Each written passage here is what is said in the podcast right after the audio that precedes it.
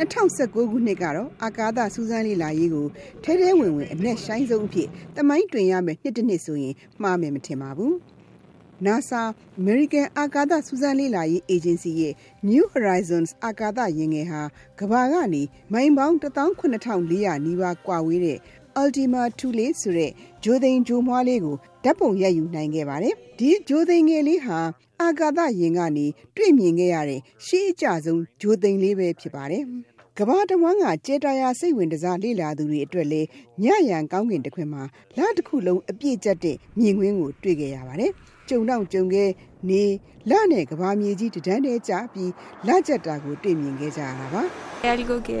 nunca había visto ဒီလိုမျိုးကျမတခါမှမတွေ့ဘူးပါဘူး သိလှတဲ့ဒီလိုမြင်ကွင်းကိုဒီတညထဲမှာတွေ့လိုက်ရတာဟာသိကိုစိတ်ဝင်စားစရာကောင်းပါတယ်လန့်ကျက်နေတဲ့အချိန်မှာ Super Blood Moon သွေးရောင်တန်းနေတဲ့မဟာလာမင်းကြီးလို့တင်စားကြပြီးကဘာမြေပြင်ကိုပါရောင်ပြန်ဟပ်ခဲ့ပါတယ်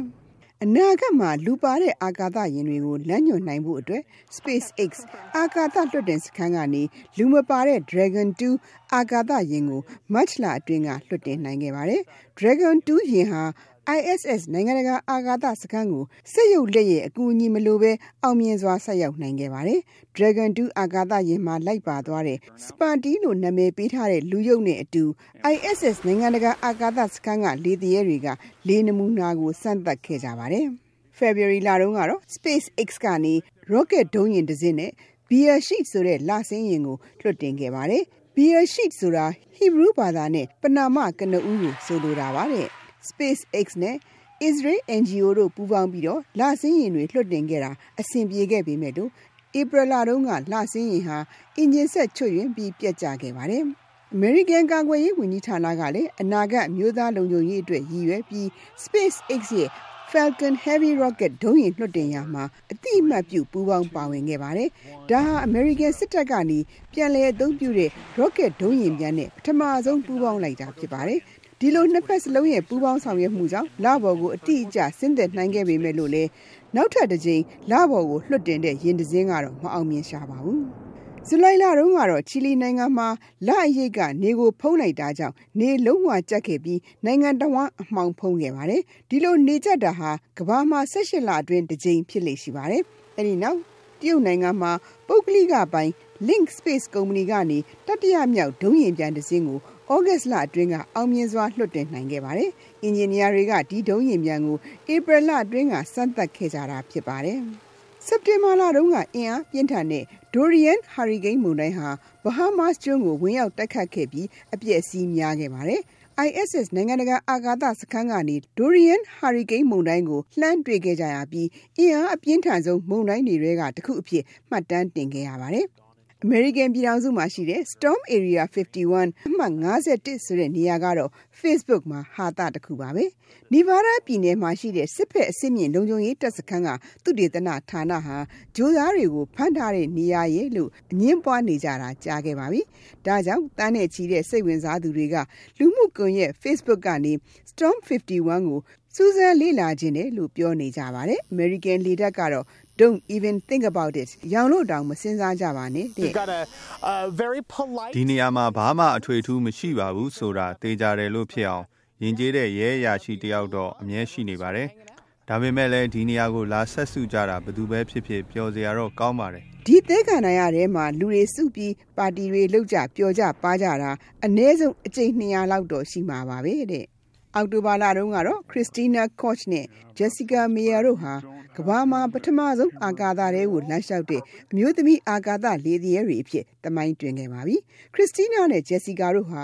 ISS နိုင်ငံတကာအာကာသစခန်းကနေလေဟာပြင်ထဲကိုထွက်ပြီးပြတ်တောက်နေတဲ့ Power Network ကွင်းဆက်ကိုပြုပြင်နိုင်ခဲ့ကြလို့ပါပဲ။ Jessica ဟာအခုမှပထမဆုံးအာကာသထဲကိုလမ်းလျှောက်ဖူးတာဖြစ်ပါတယ်။အမျိုးသမီးတွေထဲမှာတော့15ယောက်မြောက်ဖြစ်ပြီးတော့ဒီလိုလေဟာပြင်ထဲလမ်းလျှောက်သူတွေထဲမှာတော့228ယောက်မြောက်ဖြစ်ပါတယ်။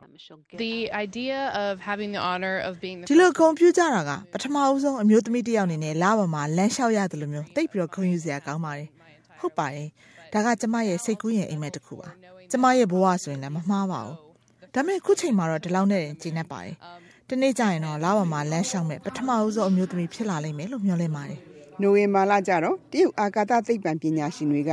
ငကငွေတန်းကိုသူတေသနလောက်ကြရမှာ black hole ဆိုတဲ့တွင်းနယ်ကြီးကိုတွေ့ခဲ့ကြပါတယ်။အဲ့ဒီ black hole အရာမတွင်းနယ်ကြီးဟာအရွယ်အစားကြီးမားကျယ်ပြန့်လွန်းလို့သိပ္ပံပညာရှင်တွေကမရှိသင့်ဘူးလို့တောင်ဆိုကြတာပါ။ LB1 တွင်းနယ်ကြီးဟာကဘာကနေအလင်းနှစ်ပေါင်း15000ကွာဝေးပြီးနေရဲ့ဒုတွေထက်အဆ80ပိုကြီးတယ်လို့ဆိုကြပါတယ်။ NASA American အာကာသစူးစမ်းလေ့လာရေးအေဂျင်စီကနေနဲ့အနီးဆုံး Mercury ဗုဒ္ဓဟူးဂြိုဟ်ဟာနေရဲ့ရှေ့ကနေဖြတ်တန်းနေတဲ့ပုံကိုဗီဒီယိုနဲ့မှတ်တမ်းတင်နိုင်ခဲ့ပြီးတချို့က transit ခရီးတစ်ထောက်ဖြတ်တန်းရလို့ခေါ်ဆိုခဲ့ကြပါတယ်။ဒီဖြတ်တန်းမှုဟာအနှစ်တရာမှာ73ကြိမ်ဖြစ်လေရှိပြီး2023ခုနှစ်မတိုင်မီထပ်တွေ့ရမယ့်ပုံမပေါ်ပါဘူး။ နောက်ဖြစ်ရတစ်ခုကတော့ NASA ကနေ cookies biscuit မုံဖုတ်တဲ့ Aven မီးဖိုလေးတစ်လုံးကို ISS နိုင်ငံတကာအာကာသစခန်းစီပို့ပေးလိုက်ပါသေးတယ်။အိန္ဒိယနိုင်ငံမှာတော့အာကာသအေဂျင်စီကနေဇူလိုင်လတုန်းကလပေါ်ကိုအာကာသယာဉ်တစ်စီးလွှတ်တင်ခဲ့ပေမဲ့လို့စက်တင်ဘာလကျတော့အဆက်အသွယ်ပြတ်တောက်သွားပါတယ်။လာစင်းရင်နဲ့အဆက်အသွယ်ပြတ်သွားတာကိုကျွန်တော်စောင့်ကြည့်ခဲ့ပါတယ်။အားလုံးစိတ်ပြက်နေတဲ့ပုံကိုလည်းသတိထားမိပါတယ်။ကိုယ့်ရဲ့ကြိုးစားမှုအောင်မြင်နေဆိုတာအသေးဖွဲကိစ္စမဟုတ်ပါဘူး နိုင်ငံတော်ကဒီကျိုးပမ်းမှုအတွက်ဂုဏ်ယူသလိုသင်ခန်းစာတွေလည်းအများကြီးရပါတယ်။ NASA American အာကာသစူးစမ်းလေ့လာရေးအေဂျင်စီမှာအလုပ်လုပ်တဲ့အိန္ဒိယနွယ်ဘွား IT ကွန်ပျူတာနည်းပညာသမားတယောက်ရဲ့အကူအညီနဲ့အိန္ဒိယလဆင်းရင်ပြက်ကြတာကိုဒီဇင်ဘာလကြာမှအတည်ပြုနိုင်ခဲ့တာဖြစ်ပါတယ်။ နောက်ဆုံးမှာတော့ဒီနှစ်ကုန်အားလက်ရဲ့အမိ SpaceX ကနေနီးပညာနဲ့မျိုးပွားထားတဲ့ကြွက်တွေကို ISS နိုင်ငံတကာအာကာသစခန်းစီဆေလွှတ်နိုင်ခဲ့ပါတယ်လူအပါဝင်နှုတ်တိုက်သတ္တဝါတွေဘလို့ကြီးပြင်းကြသလဲခန္ဓာကိုယ်ဖွဲ့စည်းပုံဘလို့ပြောင်းလဲကြသလဲစတာတွေကိုဒီခွန်အားအပြည့်နဲ့ Mighty Mice လေးတွေကတဆင့်လေ့လာနိုင်မှာဖြစ်ပါတယ်။တာယာဝပြောစွာအသက်ရှည်ရှည်ဘလို့နေထိုင်ကြမလဲဆိုတာကိုရှင်းနေမှာစောင့်ကြည့်လေ့လာကြပါစို့ရှင်။